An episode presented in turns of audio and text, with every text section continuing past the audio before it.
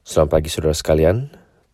Di minggu terakhir sebelum kita merayakan kematian di hari Jumat Agung dan kebangkitan Yesus di minggu Paskah, saya mau kita mikirkan salah satu ayat yang secara jelas dan secara agung menggambarkan atau menceritakan makna kematian Yesus dari Markus 10 ayat 45 karena anak manusia juga datang bukan untuk dilayani melainkan untuk melayani dan untuk memberikan nyawanya menjadi tebusan bagi banyak orang.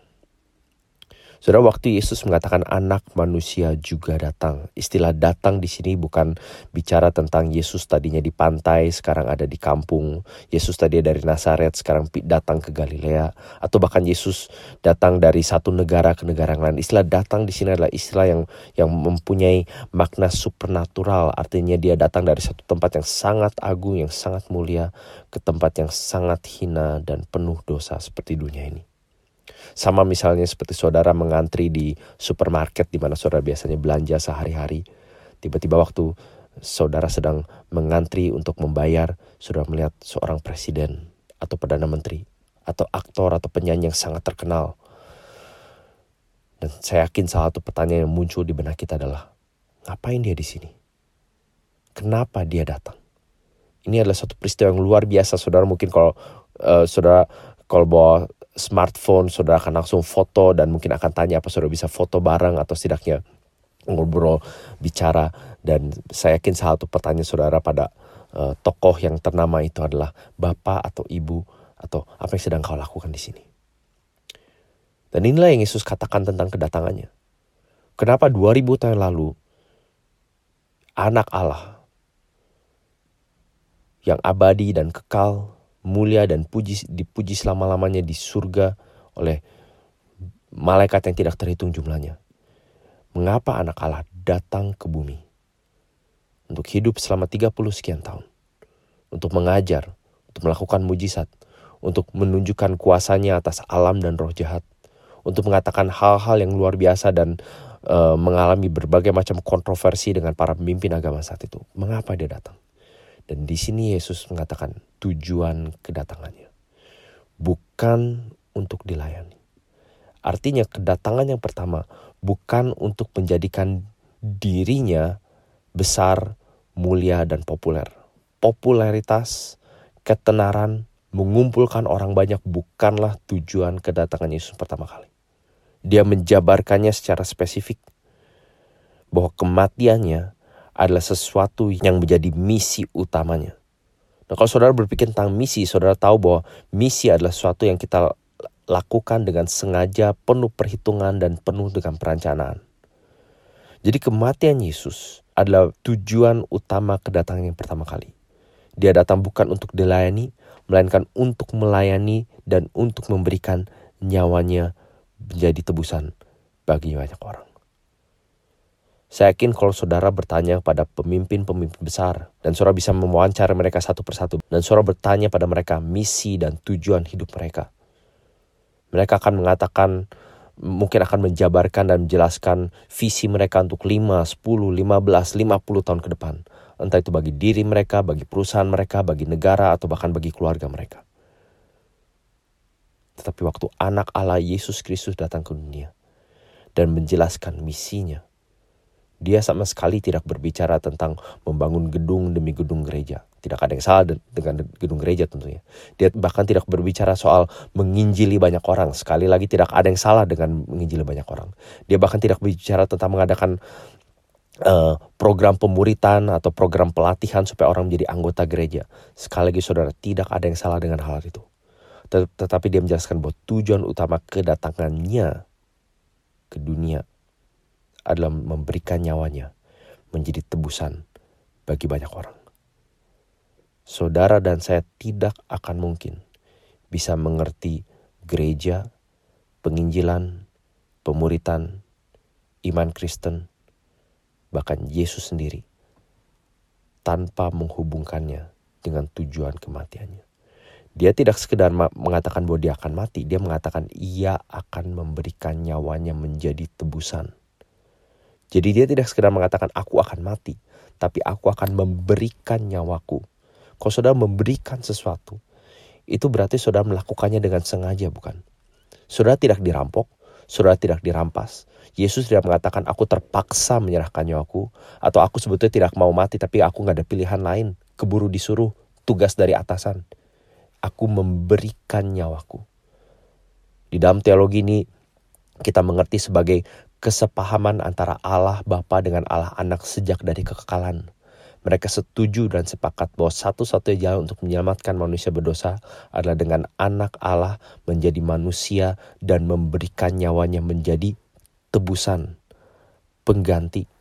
Bagaimana kata ini dimengerti sering kali dipakai untuk menebus seorang yang menjadi tahanan supaya orang yang ditahan itu bebas.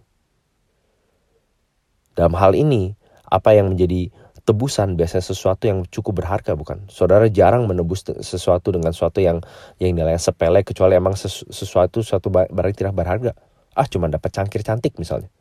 Tapi kalau kalau misalnya anak atau anggota keluarga yang berharga itu sampai ditahan atau disandera, maka saudara bisa yakin bahwa saudara harus siap-siap menebus dengan sesuatu yang mahal.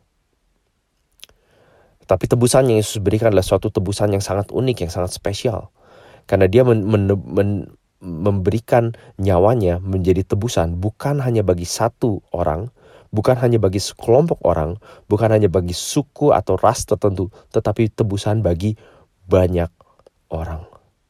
Nah terakhir kita melihat bersama-sama bukan dari Yesaya pasal 52 dan 53. Dan waktu Yesus mengatakan kata-kata ini, dia sebetulnya sedang mengutip secara prinsip apa yang Yesaya nubuatkan tentang hamba Allah yang setia yang akan memberikan nyawanya menjadi tebusan bagi banyak orang.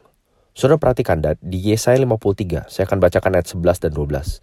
Sambil saya bacakan, saudara bisa melihat sendiri di benak Yesus waktu dia mengucapkan kata-kata ini.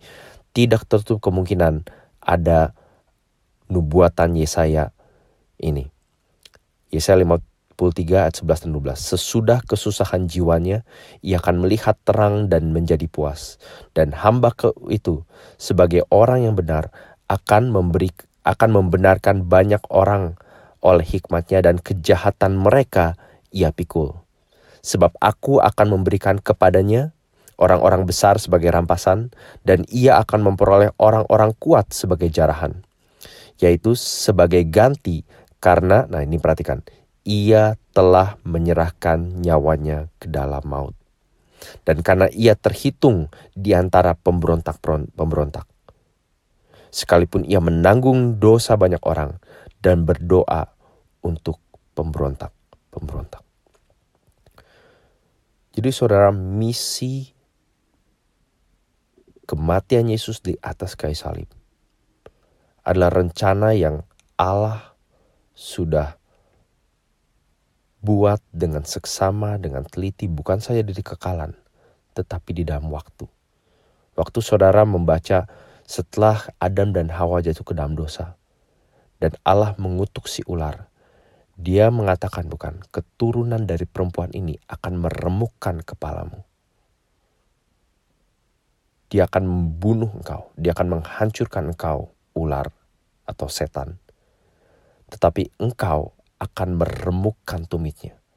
Artinya di dalam proses si keturunan perempuan ini membunuh, menghancurkan kuasa si jahat Allah mengizinkan atau satu-satunya cara itu dapat terjadi adalah melalui si keturunan ini menderita dengan tumitnya diremukan.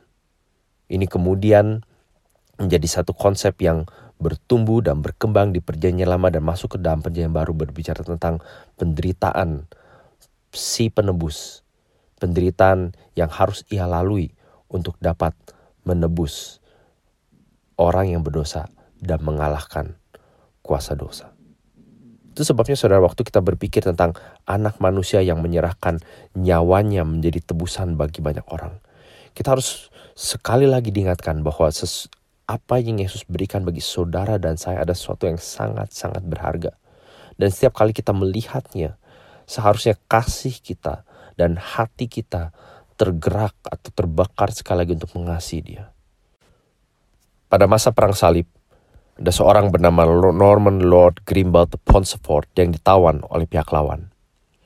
Tentu saja ia diusahakan untuk ditebus, dan waktu ditanyakan apa syarat penebusannya, maka pangeran yang memenjarakannya mengatakan satu-satunya harga tebusan ia terima adalah potongan tangan dari mempelai wanita de Ponsford, seorang gadis bangsawan yang bernama Lady Eleanor. Di dalam keberanian dan keinginannya untuk berkorban, Lady de Ponsford memberikan tangan kanannya dipotong dan dikirim sehingga suaminya dapat ditebus dan dibebaskan. Saya hanya bisa bayangkan, sejak hari kebebasannya, setelah Grimbald de Ponsford melihat istrinya dengan satu tangan yang diamputasi. Saya yakin tidak ada hari di mana ia tidak diisi dengan perasaan kagum, mengucap syukur, dan keinginan untuk semakin mengasihi dan mencintai istrinya. Tapi kalau saudara pikir, apa yang Yesus lakukan bagi saudara dan saya jauh lebih besar, jauh lebih mulia. Karena ia tidak sekedar memberikan tangan atau kakinya, ia memberikan seluruh nyawanya melalui penderitaan dan pengorbanan yang paling menyakitkan, paling hina, dan paling meregang nyawa sepanjang sejarah. Bukankah itu seharusnya membuat kita mau mengasihi dia lebih dalam lagi? mau semakin mengenal dia, mau semakin memperkenalkan dia pada orang lain dan, dan menghidupi perintahnya, aturannya, dan peringatannya. Kita mau supaya setiap tutur kata dan bicara kita merefleksikan keagungan dari pribadi yang memberikan seluruh hidup dan nyawanya bagi kita. Bapa dalam surga, teduhkan hati kami di bawah salib Kristus. Hati kami yang mudah khawatir, hati kami yang sombong, hati kami yang sering kali meragukan kasih dan penyertaanmu. Apalagi yang bisa engkau berikan pada kami ya Bapa. Engkau sudah memberikan anakmu sendiri. Apalagi yang bisa kami tuntut dan kami minta dari engkau ya Yesus. Karena engkau telah memberikan hidupmu sendiri, nyawamu sendiri menggantikan kami. Apakah nilai dari nyawa kami? Siapakah kami sehingga engkau berkenan untuk datang, bukan untuk menuntut pelayanan dari kami, tetapi untuk melayani kami dengan berikan nyawamu menjadi tebusan bagi hidup kami. Kau datang untuk mati supaya kami dapat hidup dan datang kepadamu. Dan kami berdoa, kiranya dengan kami mengingat kematianmu sekali lagi. Kami boleh semakin rela untuk berkorban demi kerajaan dan Injilmu, demi kebutuhan orang lain, demi supaya orang lain dapat mengenal dan diperkenakan pada Kristus anak manusia yang telah datang dan berikan nyawanya menjadi tebusan bagi banyak orang. Amin.